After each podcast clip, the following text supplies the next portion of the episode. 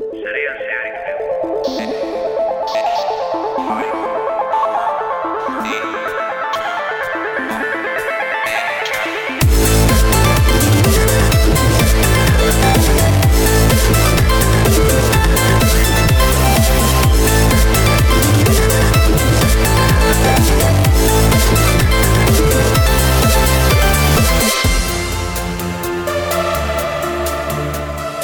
Eta azkenik heldu gara irureun garren e, saiora, amargarren denboraldiaren e, bukaerara, e, gongietorri guztioi e, saio oso berezi batera, sarean zehar irureun garren ediziora. Hemen estudioan nagusiak, nagusienak eta e, beharrezkoak ere e, bildu, bildu gara ospakizun hau egiteko beste e, modu eta beste e, bueno, gauzak e, egitea gustatuko litzai guke, baina e, koronavirusaren pandemia gure plan e, txikiak, baina gure plan guztiak e, zuntzitu ditu, baina dena den, ba bueno, ospakizuna egingo dugu eta zertxo bait e, egingo dugu e, berezi programa e, honetan teknologiari buruz hitz egingo dugu ere, E, batez ere Apple aurkeztu dituen mobidei buruz, baina bueno, hori beste kontua izango da eta horretarako Ba bueno, eh, ospakizun honetan lehenengo momentutik aurkeztuko ditut eh, biak nire eskuinokoa eta nire eskerrekoa edukiak eta soinua jartzen dituztenak. Eh, azken finean eh, eh, nora esaten da Borja eh, alfa eta omega. Bai? Saio honen alfa eta omega. Alfa bada Borja Arbosa, Arratxaldeon Arratxaldeon inigo eta Mikel Carmona bada Omega. Arratzaldeo Mikel. Kaixo. Ba, honekin hauek biekin eta e, teknologiarekin eta sai honetan egingo dugun bir, urtearen amarkadaren eta kontu guztien birpasoarekin ere sarean zehar irureun ospatuko dugu zuek ere gonbidatuta zaudete e, ongi etorri.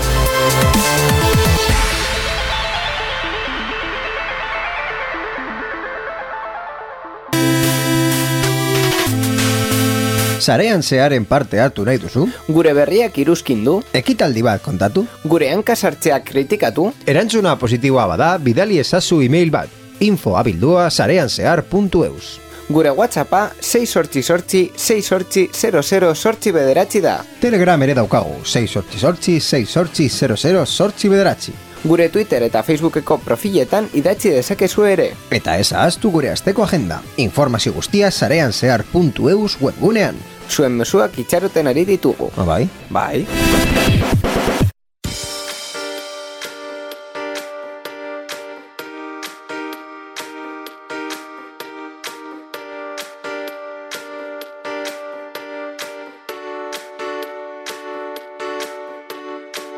Ospakizune izan arren saio hau kanonikoa izango da eta e, berri buruz itzeingo dugu lehenengo partean gero ja ospakizunetara eta e, entzuleen partaidetzara eta beste gauza batzuetara sartuko gara baina mm, de momento lehenengo momentuan e, teknologiari buruz itzeingo itzeingo dugu. E, azken bi aste hauetan gauzatxoak egon egon direlako Apple bere ekitaldia egin du eta bueno, beste gauza batzuk ditugu hemen e, komentatzeko eta Borja ja aurkeztu dudanez zer moduz astea Borja? Bueno, ondo, ondo, nahiko nahiko aproposa ja gure irureungarren programara ediziora heltzea eta ja pizka bat e, fiestak ospatzea, naiz eta, eh, esan duzun bezala, koronavirus eta pandemia ez digu utzi egitea festa hau nahi genun bezala. Baina bueno, bai. berri nahiko interesgarriak izan ditugu, batez ere esan duzun bezala, Appleen WWDC hogei edizioan. Bai, horrela, horrela da. E, bueno, azkenean ospakizunak, ba, bueno, e, ez dira egon baina egia da, azken saio hau momentu honetan kokatzea ere e, nahiko ondo etorri zaigu batez ere mm, ba bueno, ustaiaren lehenengo aste honetan ja saioareri e, denboraldi honi bukaera emateko eta bueno, ja gero udan gertatzen direnak, ba udako kontuak izango dira. Apple buruz hitz egiten hasiko gara, e, Apple bere garatzailearen garatzaileen konferentzia egin duelako ekainaren azken astean online, nola ez? Eta e, konferentzia horrekin e, kurtso eta formakuntzako em, bost egun hoiekin pentsatzen ari nuen zenbat egun egon ziren, baina bost izan dira e, beste urte guztietan bezala, baina kasu honetan online, ez dute e, Cupertino ez da San Josen, ez da Kaliforniako beste leku batean egin, baizik eta online egin dute. Baina aurkezpen gat egin e, egin dute, aurkezpena izan dugu eta software berria eta gauzatxo berriak aurkeztu dituzte. Bai. Lehenik eta behin, ba, genikien hardware guztiak, e, software berri bat e, izango dute, hau da iOS amalau etorriko da iPhone entzako, iPadOS amalau etorriko da iPad entzako, MacOS Big Sur etorriko da mm, iMac edo iMac edo ordenagailu entzako, baita ere prozesagailu berriekin, AirPod berriak baita ere software berria izango dute, WatchOS erloju entzako WatchOS Saspi berria baita ere etorriko da, eta bestelako baita ere ba, Apple, Apple TV daukan sistemak edo eh, HomeKit eh, daukaten eh, hardwarea baita ere software berria edo eh, bertzio aktualizazio egunerapen berriak izango dituzte. Hori iOS, iOS amalau eh, egongo dela komentatu, komentatu duzu urrian gutxe gora bera eh, kaleratuko dena. Bai, normalean bezala. Eh, iOS amalau beste batzuen artean iPhone 6 S dekin batera garria da. Hau da, 2000 amabosteko mugikor batean, mm, Appleko mm, mugikorren azken e, sistemara gila jarri aldi osu. Bai. Bost urteko soportea maten ari dute. Bai. Mm, ez da gutxi, eh? Ez da gutxi. Ez dakit zergatik egiten ari duten edo ezin den konkretuki estrategia hau. Baina mugikorren instalatzea eta ez funtzionatzea gehiago. Ba hori ez da egia Hau da, demo bat bezala Zuk daukazu mugikorret bat Bueno, funtzionatuko du Aba ez badu funtzionatzen ja eh, Hor bere arduratasuna izango dute Applekoek Baina zu eh, sistema operatibo berria Sartzen duzu mugikor batean Eta mm, ikusi alduzu Zure hardware ja mm, Segun ze funtzionalitate Ez dituztela ondo maneiatzen Eta esango duzu mmm, Mugikor berria behar dut egiteko hau oso oso beharrezkoa dela. Ba egia esan da Nire mugikorrean Nire iPhone 6ean bi iOS izan e, nituen amabia eta amairua eta amairua amabia baino askarrago zijoan egia esan da e, bateriaren bizitza ez da hainbeste izan baina baina e, hor jarraitzen du miukorra oso ondo e, funtzionatzen iOS amairuarekin eta espero dut iOS amalauarekin berdin jarraitzea. Egango dugu review bat iOS amalauarekin atera gutxienez komentatuko duzu ondo funtzionatzen duen. Bai, komentarioa e, iruzkina egingo dut, baina eske ez dakit zer dakarren aios amalau konkretuki nire mugikorrean onuragarrian ba, esango dizut. App vale. berri bat library deitzen dena, oh. hobeto navegatzeko zure telefonoan. Ez keskatu, Androiden zeneukan, baina ja eh, hor e, faltan botatzen baduzu library, widget. Library zer? Library deitzen da, app library. Baina Ah, app library deitzen bai. dena. Vale, Andro, Andro, Androiden widget deitzen, deitzen zen sistema. Ah, vale, orduan, aplikazioen tartitxoak izan alditut nire pantalla nagusia. Bai. Vale. Bai, bai, bai. Basikoki hori da, widgetekin horrekin informazio basiko guztia emango dizute, aplikazioan eh, ez sartzeko, eh, ez baduzu behar, noski, hmm. informazio hori basikorekin nahiko izango da. A begira. Zer gehiago? Zer gehiago, ba, modo picture in picture estrenateko dute, bideoak e, ikusteko mm, mugikorra erabiltzen duzun momentuan, edo Android ere. Android ere. Edo nahiko funtzionalitate bera izaten dute interesgarria dena. Zure iPhonea giltzak, kotxeara giltzak modukoan erabili halko duzu. Giltza elektroniko bat edo uh zuk ordaintzen duzun bezala zure mugikorrarekin tarjeta kreditu txartel bat sartzen duzun bezala, ba sartuko al izango duzu zure kotxearen giltzak. Giltzak ja ez eramateko eta mm, er, imaginatzen dut hardwarea izango dela NFC eta bai. horrelako aplikazio bat egiten hardware horrekin. Mugikorretan erabiltzen da, uste dut Teslarekin ere zure mugikorra e, ireki alduzula, sea, zure kotxea ireki alduzula mugikorrarekin, e, uste dut erabiltzen dela Bluetooth eta NFC mm aldi berean. Dena den interesgarriena kasu honetan da, e, giltz hori beste batetik inpartekatu alduzula, eta beste horri e, batez ere denbora limiteak jarri. Hau da, e, giltza ematen diozu eta e, bihar behar badu kotxea, etxi giltza desagertzen da. Bai, imaginatzen dut hori nahiko funtzionalitate interesgarria izango dela zu zure kasuan dela ba e, kotxea mm, bai, e, beste pertsonari pertsona batentzat mm, momentu batean utzi nahi badio duzu, baina zure giltzak ez galdu. Claro. Ba, a ber, egia da, momentuz BMW batean aurkeztu dutela, batean, modelo batean, osea, kotxe Bai, bai. bat bakarrean. Pero Eh, bigarren parte hori hardwarea ber, baita ere kotxeetan egon behar da. Oda, Hardwarea- fabrikanteak ez badute hardware hori implementatzen ez daukaztetzurik. hardwarea baino softwarea. Hau da, e, gama erdi eta altuko e, kotxeetan egon behar, egon behar de- da horrelako e, horrelako softwarea azpiegitura baita, osea, Bai. ez, ez duzu, ez, inork ez du pentsatzen hau dazia batean funtzionatuko duenik, Bueno, vale, ez baina dakizen ba kostatzen duen jartzea NFC sentsore bat. Mm, NFC bada teknologia, eh? Ez dakit NFC, Bluetooth, es asko, zein- es asko, baina Dacia konkretuki egiten du ni iPhoneekin egin dudan bezala. Duela bost urteko hardwarea erabiltzen du. Ah, bueno. Konkretuki Renault markako hardwarea. Bai, bai, bai, bai. Logiko. Orduan, Logikoki. en fin, Ba, e, momentu honetan, agian bost sei urte barru, ba, Dacia guztietan izango duzu Bluetooth eta Wi-Fi eta ez dakitzen bat gauza, baina momentuz ez. Zer gehiago dauka orduan iOS eh, amalau edo mm, eh, aurkezpen horretan aurkeztu zutenak? Bueno, mm, baita ere mm, alde bateko barra bat, bere aplikazio files, fotografiak edo notak, ba hor mm, utziko aldituzun adibidez, e, ja iPadean sartuta adibidez. A, zure artxiboak hobeto maneiatu edo bildu nahi badituzu, ba, e, iPad OS amalauan erabili halko dituzu horrela mm, barra batean sartuta. Edo, nahiko interesgarria den funtzionalitate bat, zure iPadean orain gertatzen dena, dei bat jasotzen baduzu, momentu horretan zure iPada blokeatzen zen, edo pantalla guztia hor e, seinalatzen zuen dei bat jasotzen ari zerela. Ordun Bai. hori ja kendu dute eta utzi dute bakarrik lehiatila ba, txiki batean goi mailan agertzen dena. Ka, kaso honetan, eh, entzule bat baino gehiago pentsatuko du zergatik eh, jaso jasoko bai. dut iPad batean Notifikazio bat da. Dei bat, notifikazio bat, bat da continuity deitzen den sistema bat e, erabiliz zure iPadean e, mugikorrezko deiak jaso aldituena e, zure iPhone bitartez eta Bluetooth bidez partekatzen e, soinua eta bar. Hori baita ere Macekin egin egin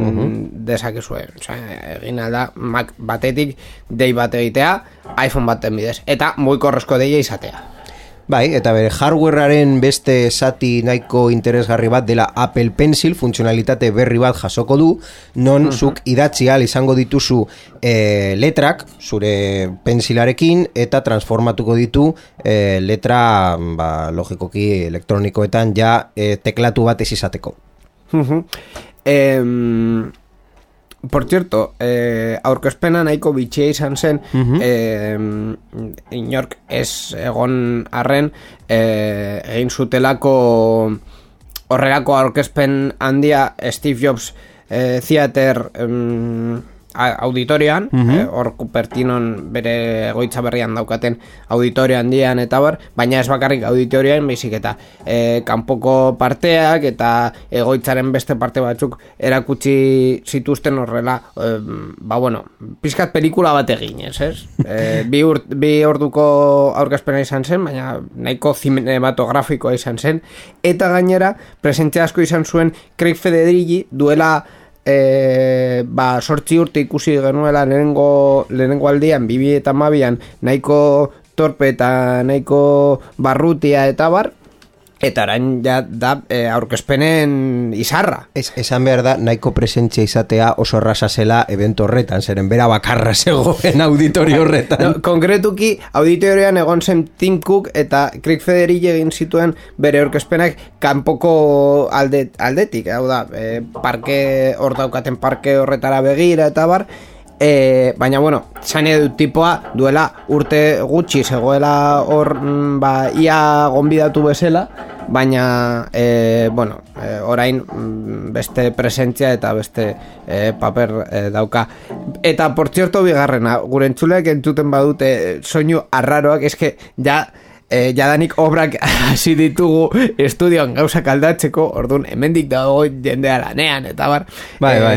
urrengo, gure urrengo estudioa, ia, ia, kadena zer, baino handiagoa izatea. Bai, izateko. momentu nahiko apropos bat da esateko, aprobetxatu desatela obrak egiteko, baina bueno, mm, jakin desaten entzuterari diren hori, ba, direla obrak. Bai, ba, hori, eske, eh, sorpresa asko ditugu urrengo denboraldirako, Bai, bai, orduan, bai, ja, hasi behar gara ja ustaietik gauzak egiten. En fin, eh, zerbait gehiago esanguratzu edo esateko apeli buruz? Ba, Apeli buruz, ja, pasatzen bagara iMac eta e, ordenagailuen aldeetara, esan behar dugu estrenatzen dutela nahiko hardwareko pieza oso importante bat, dela bere chip propioak, hau da, Inteli agurra esan diote, Bai. eta bere chip berria Apple Silicon deitzen da, hau da, fabrikatzaileak bueltatu dira bere, bere hardware guztia esan, esan behar dugu, ez? Bai, eh, orain arte esaten zuten bezala, zein da gure magia, ba, gu hardwarea eta softwarea dedikatua daukagula, Bai. baina gure hardwarea... Ba, baina, baita e, prozesagailu propioak egiten ari e, dituzte. Egia da ez direla guztiz propioak, baizik eta ARM e, arkitekturan e, oinarritutako txipak izango direla iPhone eta iPadetan jartzen ari diren bezelakoak, baina e, kasu honetan e, ordenagailuetarako, e, mai gaineko eta e, portatiletarako. Bai. Ez dakit zer gertatuko den eta mm, e, keska, bueno, keska, galdera asko dauzkat Mac Pro e, produktuari buruz. Mac Pro hori suposatzen delako ba, prozesagailua eta beste parte batzuk aldatzeko aukera de, daukala orain, 2008an, au- a- a- a- aurreko bertsioa ez eukalako aukera horiek, baina ez dakit zer gertatuko den konkretuki e, chip hauek ez daudelako printzipioz pentsatuta e, ordenagailu batetik beter, bestera aldatzeko edo ordenagailuan bertan aldatzeko. Ez dakit ze gertatuko den. Ni pentsatzen dut e, izango dela nagusiki e, mm, produktu ez profesionalentzako eta e, profesionalentzako mantenduko hori direla e, denboratxo bat gehiago e, Intel e, plataforman dena den esan zuten bi urteko transizioa izango dela, orduan bi urtetan e, ja produktu berriak bere mm, prozesagailu propioak izango dituztela. Eta ja, uste, uste dut bestelako produktuei buruz ezin dugula askoz gehiago esan, hau da, bai, zure erlojuan funtzionalitate berriak jarriko dituzte, e, kirol berriak e, mm, aktivitatea horre registro jartzeko, zure AirPod softwarean izan e, estrenatuko dute sistema bat deite, deitzen dela automatic switching, hau da, automatikoki aldatzen duela e, depende non jartzen ari duen musika, hau da, zure musika entzuten ari den zure mugikorra, mugikorra aldatzen da, edo iPadera, iPadera aldatzen da, edo telebistan, telebistara aldatzen da. Hau da, automatikoki zuk ez duzu aldatu behar. Edo dei bat jasotzen duzu, ba deira pasatzen da. Bueno, ba, mm, bitxiak, txikiak, interesgarriak. Ondo. Oso ondo, ba, bueno, beste eh, gai batzuk komentatuko ditugu gaur berri askarrak izango ditugu ere, baino ez hain askarrak, baino baita ere txikitxoak izango direnak. Berri geldoak. Berri galdoak. bueno, bai. Ez, ez gehiagi. E, e, bueno, urte betetzean gaude, pasaden ustaiaren iruan, e, Euskaltel hogei urte bete, bete zuela, gainera bat egin e, da e, ospakizun hau beste anuntzio batekin, Euskaltelek telefonikarekin sinatu duela akordio bat e, arautu gabeko egune, eguneetan, ere mutan bere zuntz zarea e, partekatzeko. Arautu gabeko eremuetan. Ze, Bai. ze kontxo da hori.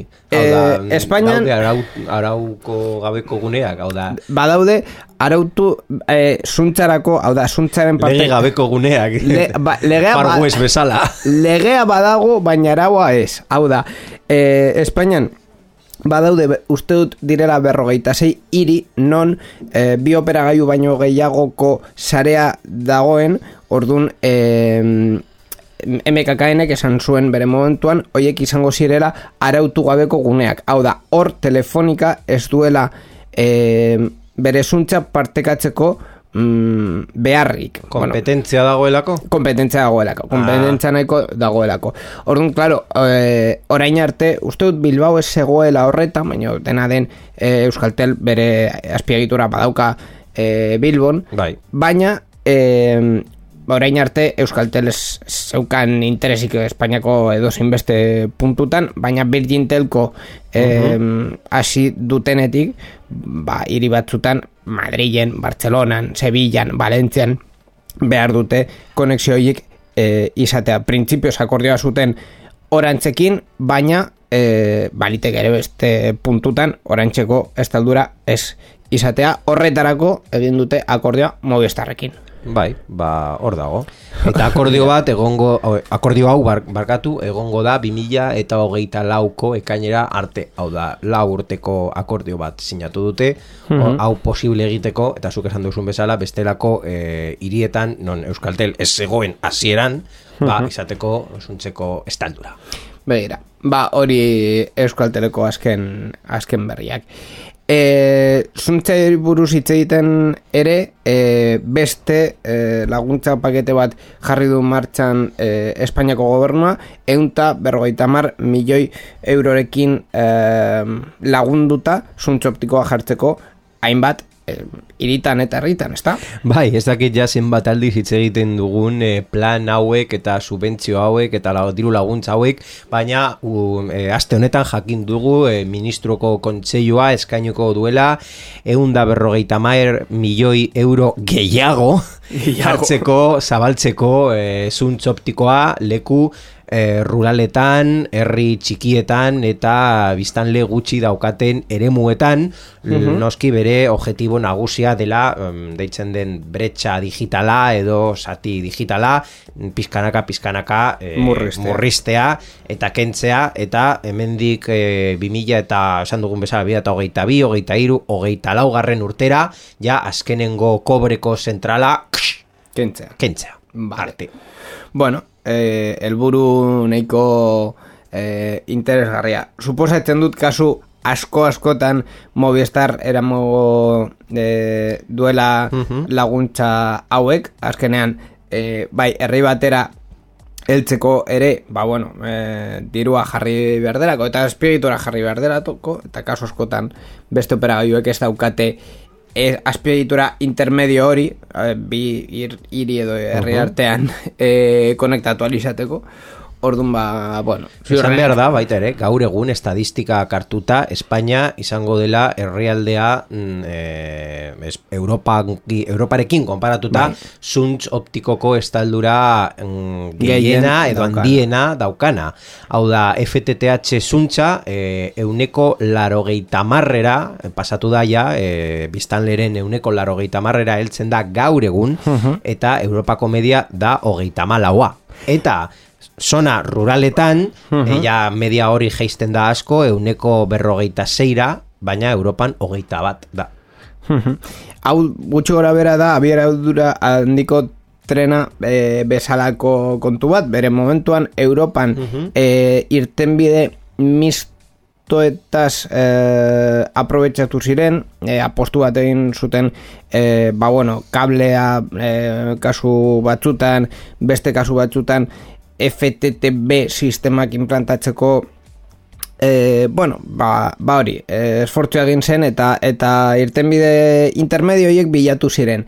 Espainian ez zen ez ere egin. Hau da, 2008 arte ADSL geneukan eta ADSL hogei mega gehienez eta hortik aurrera telefonika zen zuntzarekin eta beste guztiok jarraitu dute mhm. hildo hori e, Euskaltel esesik eta Euskaltel bere, bere koaxialeko mobidaekin jarraitzen du.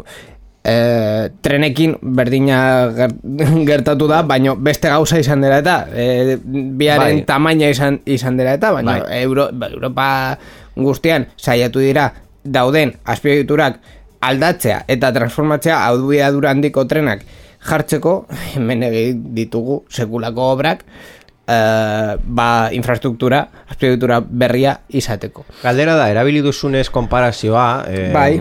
abiadurandiko trena agian ez da izan oso inbertsio nahiko errentagarria edo gutxienez justifikatuta leku askotan.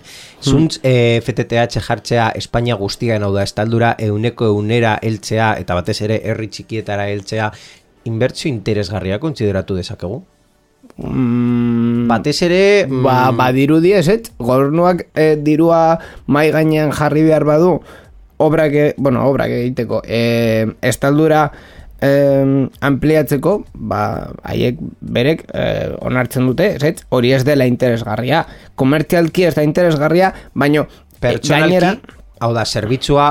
Eh, alba, na, a ber, bezeroarentzako, bezeroarentzako ona izango dela, Gaur egun gainera telelana erabiltzeko nahiko importantea da eh, konexio inter, mm, interesgarri bat izatea edo desente bat izatea eta hori herri txiki askotan eh, ez da gertatzen. bezeroarentzako mm, interesgarria izango da eta ona izango da. Baina azkenean e, berrogeita mar edo eun megako abiadura, abiadurara heltzeko ez da mm, bide guztia edo azpiegitura guztia asuntze izan behar.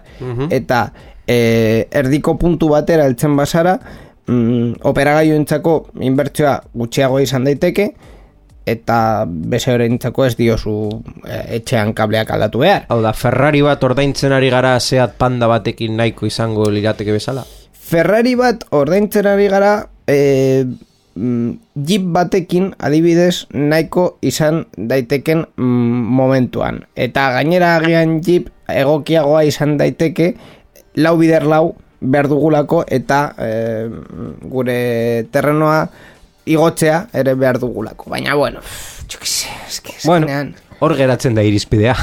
e, opera gaioek azkenean mm, zentzugabeko gauzak egiten dituztenez, gainera e, beste berri bat daukagu honi buruz e, komentatzeko konkretuki e, British Telecom Espanya, Vodafone, Orange, Mas Mobil eta alairi bederatzi zerobi zenbakien e, gatik jarri dieterako zigorra. Ez zenbakien gatik, baizik eta e, zenbaki horiek kontratatzen zituzten enpresa batzuei dirua bueltatzeko, be- bueltatzea. pasteleren edo tartaren zati bat emateagatik hori kontratatzeko. Bai. Dakigunez, bederatzi 02 zenbakia kosteko zenbaki bat da, e, zuk horra deitzen baduzu, e, bueno, zure tarifan ez dago sartuta, orduan aparte ordaintzen, normalean aparte ordaindu behar duzun telefono bat da, Bai. eta telefono horiek erabiltzen dira, ba, normalean call centerretan.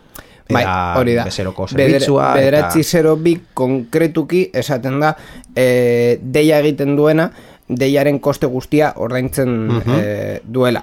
Mm, gaur egun hori ez dauka zentzurik guztiok e, tarifa lauak ditugulako, Bai. baina e, kontzeptu horrekin e, pentsatu zen bere momentuan bederatzi zero bia, bederatzi zero bata e, koste partekatuarekin kontzeptuarekin pentsatu zen bezala. Eta bederatzi 00 kosterik gabekoa.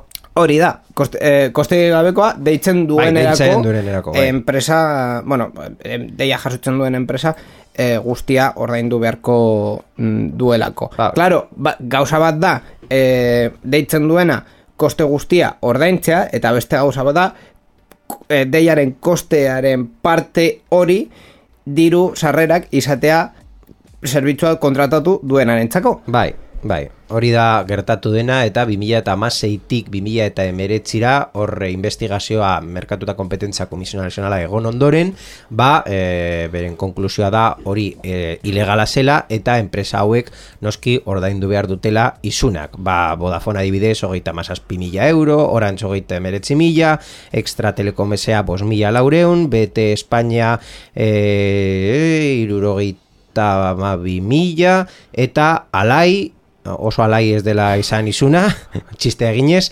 amairu mila sortxireun euro. Mhm. Ba, bueno, eh, oiek izan dira izun... Eta izun- noski debeku, debeku hau argi eta garbi geratzen da. Ezin da. Egin. Ezin da. Ez egin, eh, zigorra berriz izango duzuelako.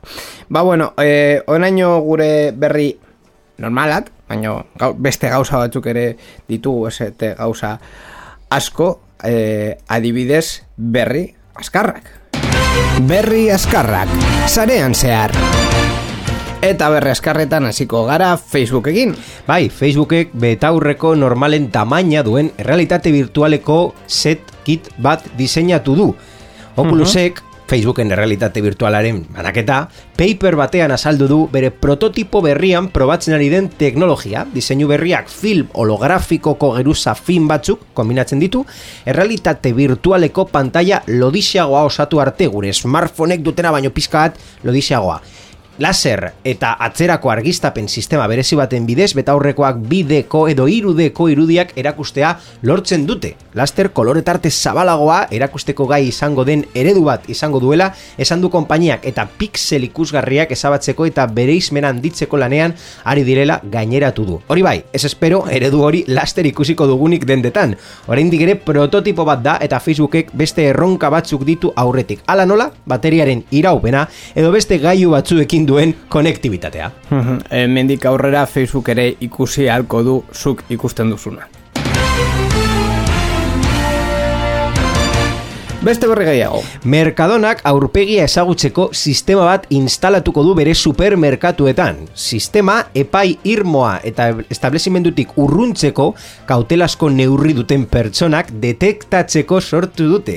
Bezeroen eta langileen segurtasuna indartzeko helburuarekin esaten dute.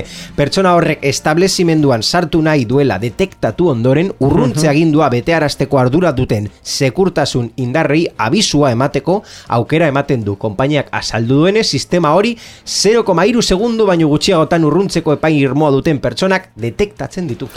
Hemendik aurrera ez ditugu Mercadonan txorizoak ikusiko.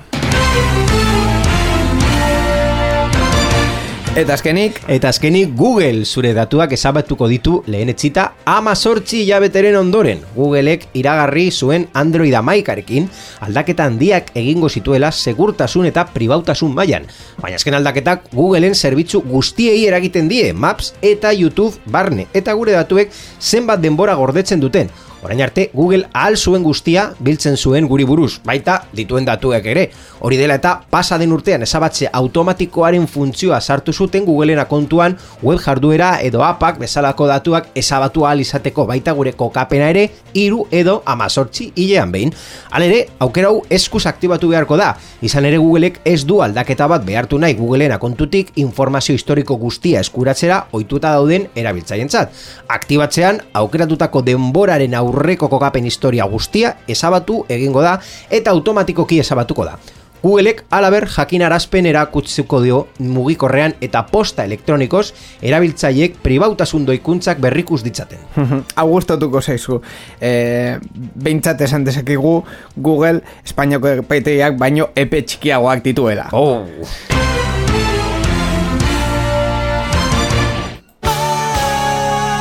Amarkadan zehar.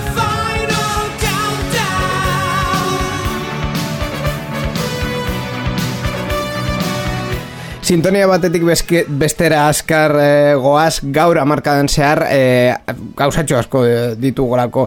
Azken e, amar e, saiotan galdetu dizuegu zein izan den azken amarkadan e, gertatu den artean ba, nabarmenena. E, birpaso egin dugu 2000 amarretik Ona, 2008 e, falta zegu egia da, baina 2000 Ez dago asko bir pasatzeko. 2008 momentuz nahiko... Covid, Covid, Covid, agur.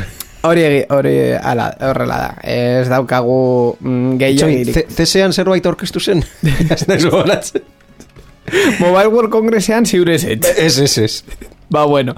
Eh, horretaz, eh, aparte, eh, 2008az aparte, eh, galdetu izuegu baita sare sozialetan ere zer zegoen eh, edo zer zen eh, gure entzulentzat. Eh, bueno, nabarmenena edo eh, esanguratsuena aipagarriena. Eta Borja momentu honetan ni astean zehar egin dudan eh, bueno, asteetan zehar egin dudan eh, gidoi paraleloa ere, ireki behar dut eh, komentatzeko edo kontatzeko zer eh, jaso dugun. Titulolaren kontrako bat jasoko dut. Normalean nik dagit jarkingo dena eta iniko ez, baina kasu honetan alderantziz izango da. Ba bai, bai, e, tweet asko eta batez ere e, soinu mezuak audioak e, jaso ditugu mm, gutxi gora bera komentatuz zein e, izan den azken e, azken amarkadan mm, ba, nabarmenena eta bueno mm, hemen, hemen dauzkat e, Hasi gaitezke, bueno, ideia da e, audioa entzutea, e, sa, komentatu, komentatuko dugu baita e, nork hitz egiten duen eta bar, eta audioarekin batera, e, edo audioa eta gero, komentatuko dugu gu baita zer, e, zer deitzogun e, komentatzen, audioan komentatzen denari buruz. Eta lehenengo audioan, e, Saietuko naiz pizkaten iago jaten, ze, uf. Baina, bueno, e, lehenengo audio honetan, eneko astorkiza daukagu, eneko astorkiza e, gainera Eusko Digitaleko beste saiotan egon da, eta duela urte asko, ba, e, egon zela enredandon ere, eta bera, e, hau komentatu digu.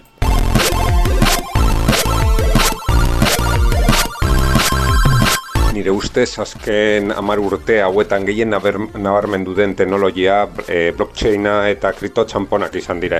Blockchaina geroz eta gehiago erabiltzen ari da enpresatan eta kriptotxamponak beraien balioa e, igotzen ari dire eta geroz eta gehiago erabiltzen dira e, ba, leku guztietan. Beraz, e, niretzako importanteenak izan dira. Amarkadan zehar. Ba, hau orduan eh, eneko astorkiza komentatu diguna, blockchain. Eta kriptotxamponak, Bueno, bueno, eta kripto txamponak. egia da. Blockchainari buruz ez dugu hitz egin asko programan, baina bli- kriptotxamponi buruz izan genuen gure gure epoka e, hitz egiten bitcoinari buruz, pizka bat, baina egia da ez, ez digula atentzio asko prestatu, ezta? Bueno, e, gure mailan edo kontsumitzaile mailan agian ez hainbeste. E, egia esan da niri blockchain kontzeptua e, oindino kostatzen zait. E, ulertzea zer den eta... Ni Silicon Valley seria dela eta, eta ez askoz gehiago, esan behar dut. Claro, orduan, ez, ez da kontzeptu erresa. E, ni Agian, emaiozu beste bost edo amar urte eta jakingo dugu gehiago zer den edo hasiko gara erabiltzen zuk esan duzun kon bezala kontsumitzaile mailan. Ba, bueno, eh, es que ez dakit zer, zer konkretu espero ahal dugun eh, blockchainari buruz. Ez da blockchaina eh, eta kripto txamponak eh, aipatu duen bakarra, beste audio bat eh, jaso dugu, kasu honetan Gorka Palazio eh, bidali diguna Gorka Palazio eh, Euskal Herriko Unibertsitatean irakaslea da eta duela urte asko eh, e, bueno, lan egiten ari duela software librearekin. Gainera e, uste dut 2000 tamarrean izan zela bubersari honorifiko bat eman zietela ziotela e, justu gu e, sarean zeharazten zen urte urte berean ez ba nahi zoker uste dut baietz. E, 2000 tamarrean izan zela e, bubersari bat eman, eman ziotela. Bera ere e, blockchainari buruz e, hitz egin dugu. Azken eh, hamar urte honetan eh, nire ustez eh, blockchain izan da eh, ba, punta-puntako teknologia batez ere lortu delako ikustea ba, etorkizunean zenolako txamponak zenolako eh, ekonomia eukiko dugun eta beste alde batetik interneti eh, ba, eman diolako eh, fide, fidagarritasuna nola baita esateko. Amarkadan zehar. Ba hori e, gorka palaziok e, aipatu diguna e, Por cierto, audio hauekin batera entzuten eta birpasatzen ari dugu ere Gure historian importanteak izan diren sintoniak, musikak bai, bai. E, Lehenengo kasuan, nek- neko astorkizaren kasuan Laugarren, bosgarren eta seigarren denboraldien e, bukaera musika entzun dugu. Soulai Ultra Happy deitzen dena. Eta beste kasu honetan e, kontaktu metodoen e, musika entzun dugu. Bi, lehenengo ez, ba, barkatu, bigarren eta hirugarren denboraldiena. E, Ja zaitez kontaktuan sarean zearekin.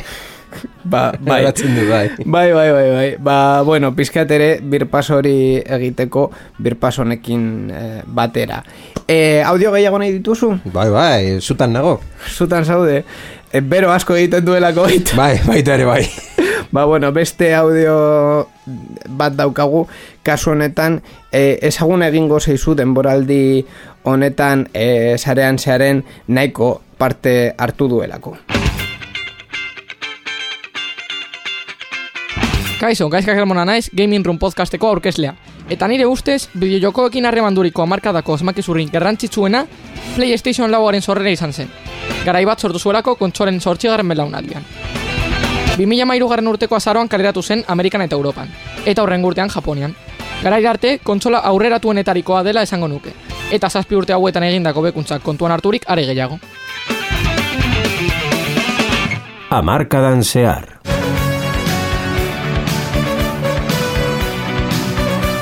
Ba, bueno, kasu honetan e, PlayStation lauari buruz, nik ez, e, eregia esan dez nuke aukeratuko hain konkretu konkretua den e, sistema. Azkenean PlayStation laua, e, ulertzen dut e, gaizka e, aukeratu duela bere lehenengo kontsola izan zelako, Bai. eta bar. Uste dut ez lehenengoa, baina... Uste dut, beraudani nagusiagoa suposatu zuela PlayStation irua biarekin alderatuta, laua iruarekin alderatuta, baina ni ez naiz espezialista. Eta bideojokoi buruz, ez daki zergatik iruditze, irudia gehiago jartzen dut Switchean, PlayStation baino. Claro, es que azkenean eh, ni... A, Baina kontzeptua dela eta, eh, claro, az, eta azken guzti. eh, bi hamarkadetan fokoa jartzen badut, niretzat eh, benetan iraultzeleak izan diren bi kontsola izan dira Nintendokoak, Wii eta eh, Switch. Gainera, biak kontu, eh, kontu berdinarekin. Eh, lehendik zeukaten kontzeptu bat hartu eta transformatu zuten eta Wiiaren kasuan eh, azken hogei urtetan eh, nork ez du izan Wii bat bere etxean. Inork. Bueno, zu orain badaukazu, orain bai badaukazu. Orduan, claro, e, bideojokoi buruz hitz egiten, agian teknikoki PlayStation laua ez dizut esaten ez, ez, ez duela e, bere eragina izan, baina edo, edo Microsoften sistemak, baina niretzat, e, mm, Wii, eta kasu honetan Nintendo Switch, gainera nire gaur egungo kontsola delako, eta Ring Fit Adventurekin batera, sekulako eh, ariketa fisikoa egiten nahi dudalako, orduan. Ba, bueno, em, hori hori izan da, entzun dugu baita gure sintonia maitia, laugarren, bosgarren eta seigarren denboraldiarena. Hori zen? Edo ez zen hasiera, hasierako Ez, sintonia lehenengo bai. hiru denboraldiena. Bai, nahaztu naiz. Ez que, Bai, bai, bai. gidoian ez dut- Ai, ai, ai, ai, ai. Eh, bueno, spoiler, beste sintonia hori... Izango da. Nun baiten egongo da. Oh, sorpresa. Eh, baina, bai, kasu honetan lehenengo bigarren eta hirugarren denboraldiarenak. Eh, musikan nahiko eh, hobetu Bai, lehenengo, bai, bai. lehenengo sintonia hori, gainera beste podcast bati kopiatu nion, orduan, ez da... Eta berezi. baita ere. Ez, urren, ez, ez, ez, urrengoak ez. Urrengoak bideojoko batetik hartu nituen. Ah, bueno. Hori ez da kopiatzea, hori da. Ah, ez. Hori inspirazioa Bueno. da. En fin, e, bideojokei buruz e, gehiago itzen dezakegu beste e, audio bat daukagulako, kasu honetan e, gaizkaren e, lagun eta e, programakidea ere audio bat bidali digulako. Ba, nire ustez jasorik garrantzitsuena motore grafikoak doainik direla izango zen. Edonok interneten bidez eta horrelako gauzen bidez, YouTubeen bidez, e, bideojokoak egin dezake doainik, eta ez dira uni- unibertsitate batera joan behar, edo horrelako batera joan behar. Bakarrik YouTubeekin, tardena gailu batekin, e, triple A jokoak egin dezakete denborarekin eta ba, bideo askok ikusten. Amarkadan zehar. Ba, bueno, kasu honetan, e, bera, e, aitor, e, marainon itzen, hitz egiten du e, motore grafikoi buruz egia da, mm, ba, bueno, guretzat, kon, nire kasuan, komun txumitzaile bezala, ba, bai, hor motoreak daude, Bosta sola zaizu. labur bilduz, bai, hor, horra da. Baina egia da, e, ba, bueno, bere eragina izan, izan dituztela ere, e, ba, bueno, e, aurrerapen izan direlako e, garatzeile oso txikien txat. Eta gaur egun, mm, ba, oikoa da, baita gure e, jokuen artean. Bideojoku e, indiak izatea. indiak izatea, esan indiak, e, nahiko independenteak, ba, horiek ere e, presentzia bat e, izatea. E, mm, kasu honetan, e, bueno, Twitterren ere, e, Twitterren komentatu dugunez, e, amarkaden zehar traola erabiltzea komentatzeko azken amar urteen e, bueno, e, gauza nabarmenenak. E, mezuak e, jaso ditugu baita testuz, e, adibidez Aitor Brazaola algatu deturin e, podcasteko kidea. Esan e, digu konkretuki mugikorretan mm, smartphone berrien txipak e, aurrera pauso handia izan e, direla duela amar urte egin e, ezin zituzten gauzak gaur egun egiten direla e, muikor e, batekin. E, komentatuko dugu baita Apple buruz e, hitz Bai. egiten. E, aurrera pausu handiak eman dira mugikorren e, prozesagailuetan eta ja gaur egun e, bi urtetan, bi urte baino gutxiagotan izango ditugu maigainak mugikorreko e, txipak era, eramango dituztenak. Bai, e, egia da urtero hartzen baditugu belaunaldiak, hau da WWDS motatako konferentziatan ikusten dugu txipa amaika, a amabi, a amairu. Eta hori guztia, ba ez dugu agian nabarmenduko zenbat aurrera pauso ematen diren. Baina, 2000 eta margarren urtean hartzen baditugu guk geneukagu mugikorrak, eske ez, ez dauka zer ikusirik mm, batea bestearekin. Hau da, ni 2000 eta margarren urtean ez dakit ja zen mugikor neukan. Uste dut, e, ez, ni, ez nuen ez da hasi Blackberryarekin, ja, azteko, Blackberry kurbe hori uste dut e, nire urteak zeuzkan jende guztia, eta horte, e, nire generazioko jende guztia zeukala Blackberry hori, baina hortik atzera, ja ez du gogoratzen ze mugikor neukan. Nik uste dut, eh, 2000 eta marrean neukala Huawei U2 U sortzi bi edo Bai, bai, bai, zerbait. horrelako bat. Ez U eh, U amaika U sortzi amaika zero eh, Bai, bai, bai eh, izan zela diseinu nahiko bitxea jabonera bat be- bezalakoa zena nahiko Ah, bai, eh, bai, bai, nik horrelakoak bai, baita ere gogoratzen dut. Ni nire azkenengo mugikorra ukigarria zena gogoratzen du zera Nokia N8 bat. Ba, nire Azkenengoa hori izan arte, mugikor bat ja ez zeukana, ba, teklak ez zeukana, oia, ia, ia, teklak ez zeukana. Bai, ni, ni, ni- nire kasuan hau izan zen eta gainera gogoratzen dut e, autobusa hartzerakoan adibidez e, gazteizko e, autobus geltokian jarri zutela wifi puntu bat eta ya está, ez Ja. neukan daturik ez, ez ezer eta e, ezta nik ere. 2000 eta marrean Twitter Twitterren mezuek jartzen dituen mugikorrenekin ja, ikusten duzu mugikorra eta esaten duzu e, ze, Nola? bi, bihatz beteko pantalla dauka baina hau zer da Bai, bai. Mesedes, baina, baina zer, e, bueno, ez, uste dut pixkaz handiagoa zela, e, konkretuki izan zen, gainera 2000 eta marrean aurkeztuketako e, mugikorra, ba, ez da zen bat atzbetekoa, baina hiru baino gehiago ez ziren, osea, hau izan zen, ia txiste txar bat, baina bueno, E, Twitterren beste mezu batzuk ere jaso, di, e, jaso ditugu. E, Italiatik it, idatzi digute. Bai, bai, Italiatik e, idatzi dugu Arafli deitzen den e, neska eta gainera bi mezu utzi dugu. Batetik e, euskera e, ikasteko eta mm, gazteraniatik deskonektatzeko erabiltzen duela sarean zehar. Oh, hori alde ze batetik. bolita. Eta beste batetik, eh, amarkadan zehar eh, konkretuki eh, komentatzeko Google Glass aipatu, aipatu du. Gainera, azken asteetan eh, erdi buelta bat egiten ari duela, eh, ez dakit konkretuki nongo fabrikante bat eh, Googleekin eh, bueno, eh, North conversationetan- deitzen da enpresa. Kana, kan, kanadiako, eh, Kanadako enpresa bat deitzen dela North eta North. Smart Glasses eta Focals deitzen den betaurreko batzuk eh, produzitzen dituena. Ba, bueno, e, kontzeptu hori badirudi bueltan dagoela, baina bere momentuan 2012an, e, claro, mm, Nahiko revoluzio bat suposatu zuen, baina baita ere esan behar da kontzeptuan geratu zela. Hau da, salmenta handietan esen sartu, zenbat kostatzen zituzten? mila eta zireun euro. Mila eta zireun euro, begiratu. Bai, bai.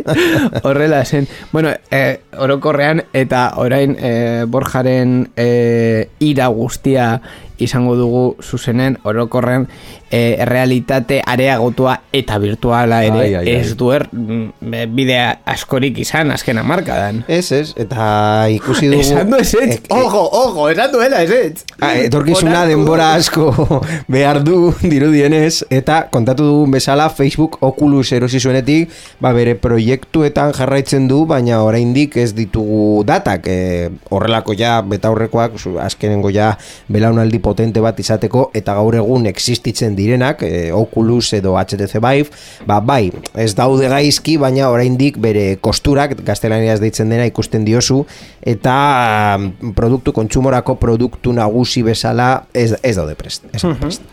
Ba beste bi audio dauzkagu, ui, ja esan dut, bi gehiago dauzkagula.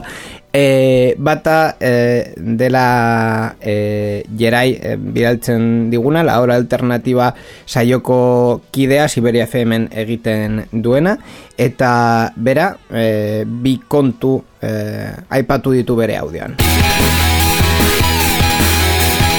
Kaixo inigo, jerai naiz. Egia esan, teknologia bide luzea egin du. Ez da bakarrik informatika aldetik, elektromekanika eta robotika ere. Aize errotak, eguzki panelak eta autoelektrikoak oiko ekema ordezkatuko dute. Aldiz baikotxean karga denbora gutxiagorekin kilometro gehiago ibiltzeko aukera izango da. Denok irude inprimagailu bat etxean izango dugu, datozen hamarkadetan teknologia oso azkar garatuko delako. Erronka honetara moldatzen jakingo dugu? Amarkadan zehar.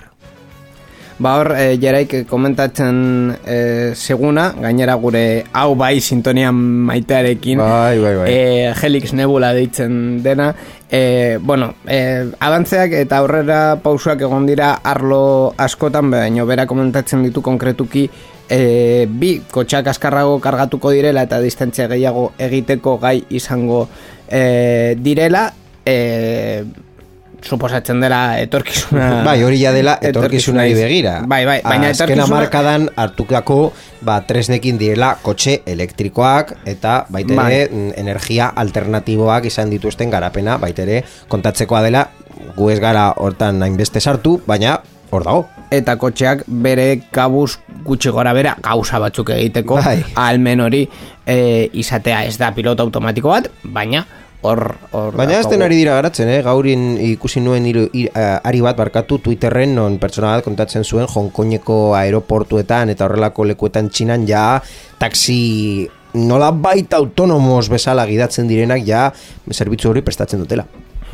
Eta beste partetik irude inprimagailuei buruz hitz egiten hitz egiten du e, erreparazio eta pieza mm, txikiak edo erdiak egiteko erabilgarriak izaten ari direnak eta e, etorkizunera begira ere esaten du etxean izango ditugula urrengo hamar urtetan. Beta horrekoekin alderatuta esan behar da irude inprimagailuak ez direla momentuz e, kontsumo handirako produktu bat, batez ere presioa oraindik e, nahiko importantea delako, baina baita ere funtzionalitateak gehiago garatu direlako. Azkenean, beta aurrekoak dira aizialdirako den gauza bat eta imprim, irude inprimagailu batetin nahiko gauza interesgarriak egin aldira lanerako, bizitzarako eta zure etxerako. Mhm. Gainera, eh, azken eh, pandemia honetan eh, garrantzi asko izan Bai. dituzte adibidez Euskadin COVID Euskadi deitzen den eh, talde bat pantaiak bizerak egin eh, dituelako ba, hainbat e, pertsona eta entitatentzako konfinamenduaren momentu latxe, latxeetan e, ez zituztela materialik bere lana egiteko. Beraz irude inprimagailua e, proiektu batzuk martxan jartzeko modu askarrean ere e, erraminta oso interesgarria dela. Hala ere, nahiko geldoa ikusten dut e, impresio irudean. Claro, impresioa... Denbora mm, nahiko behar du gauza bat imprimatzeko. Bai, baina, bueno, e, ez da e, prototipado makina bat bezalako, oza, ez dauka prototipado makina bat bezalako presioa, e, geldoagoa da, baina, baina bueno, materiala ere e, askoz e, mm, ba, eskuragarria da. Bai, eta merkea, bai. Hori da. E, bueno, bera esaten du baita erronkarako prest bagauden edo ez urrengo mar urtetan e, geratzen. Espero dut baietz. Bueno, Espero duzu baietz. Eta gure azken audioa e, bidali digu kasu honetan Daniel Gutierrez Porset e, software libreari buruz asko hitz egiten duela eta ere e, lan egiten duela software librearekin eta bera nola ez, ba software librea aipatu digu. Ba, niretzat, azken hamarkadan, gautza teknologiko nabarmengarri bat, izan da software librea aurrera doala. Gero eta kalitate hobearekin, espero genuen moduan. Eta bereziki, Linux kernela, milioika dispositiboetan dagoela, batez ere, Android guztietan. Por cierto, duela oso gutxi, SpaceXek hogeita amabi mila konputagailu jarri ditu orbitan, eta denak Linuxekin. Amarkadan zehar. Ba, bueno, kasu honetan e, software librea egia da gure muikor guztitan dagoela. Uste dut, azken amar urtetan e, pertsona batzuk egin duten e, galderan nagusiena izan dela. Eta noiz izango den e, ordenagailuan software librearen momentua. Ba ordenagailuetan ez da eta ziurrenik ez da izango. Baina gure mugikorretan eta serbidoreetan ere e, software librea ez, eske ez dauka beste, beste aukerarik. Hori da software libreen agian arazo handiena, nahiko eskutua dagoelako mm, kontsumitzaientzako eta publikoarengan. Hau da, da bigarren mailako superheroi bat bezala, Deadpool bat bezalakoa. Bai. Ba, bueno, hau izan da gutxi gora bera amarkadaren e, birpasoa, baino momentu honetan Borjani galdera importante bat daukat e, zuretzat. Esan. E, azken asteetan guztiok pentsatzen genuen e, galdera, eta beharrezkoa dena azkenean, e, ba bueno, e, sarean zehar mm, jarraitu nahi dugulako, eta, bueno, ni jarraitu nahi dut eta zure laguntza eta eta mm, partaidearetzarekin e, kontatu nahi dut ere, orduan e, Borja, zuzenean galdera egingo dizut, galdera importantea. E, amaika gar, garren denboraldi bat egiten badugu sarean zearen egongo zara. Bai, Ze polita, eskerrik asko Borja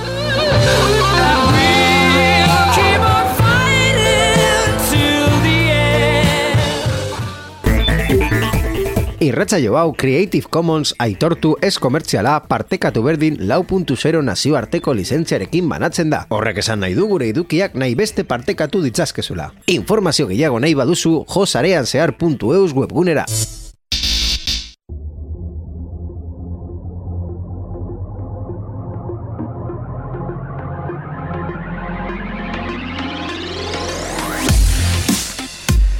Honaino zarean zehar irureun garren e, edizioa, e, ezin diogu bukaera mm, obea gorik jarri denboraldi honi, gure entzulen e, partaidetza izango du, izan dugu badakigu ere beste pertsona askok daudela e, zarean zehar entzuten guztiei. Eskerrik asko, e, eskerrik asko ere borjari, baietza esan didalako lehenik eta bin, eta beste parte batetik, ba, denboraldi hau e, gurekin eta nirekin partekatzeagatik, e, urrengo denboraldian ikusiko gara eta eta bueno, espero dut, mm, hau denboraldi hau eh, bezalakoa edo bea e- egitea eta hain gustora egotea eh, hemen sarean zehar. Ze edizio zenbakia inigo?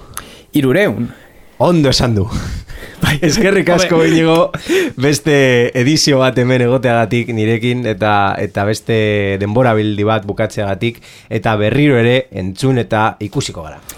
E, beste pertsona bat falta zaigu hor kanpoan dauena borja bere bila joan mesedez bitartean ere eskertu nahi diet irratietan dauden e, pertsona guztiei. E, bueno, gure webunean dauden e, irrati guztiei eskerra eman behar diegu batez ere e, haiek posible egiten dutelako ere sarean zearen emisioa eta edapena e, bai mm, teknikari eta baita eskoizpen talde guztiei eskerrik asko benetan bihotzez urrengo denboraldi bat esango, izango duzue eta emititu nahi baduzue ba hemen egongo gara.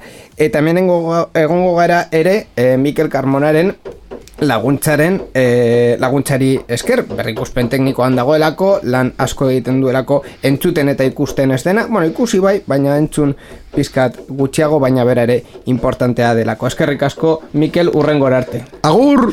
Eta honekin bukatzen dugu sarean zehar irureun, eskerrik asko bihotzez guztioi, e, urrian gutxi gora bera, iraian urrian voltatuko gara, bitartean sare sozialetan gaude, sarean zehar gara Facebook, Twitter eta e, Telegramen, eta baita ere gu ere webunean sarean zehar puntu eus. Eskerrik asko, agur!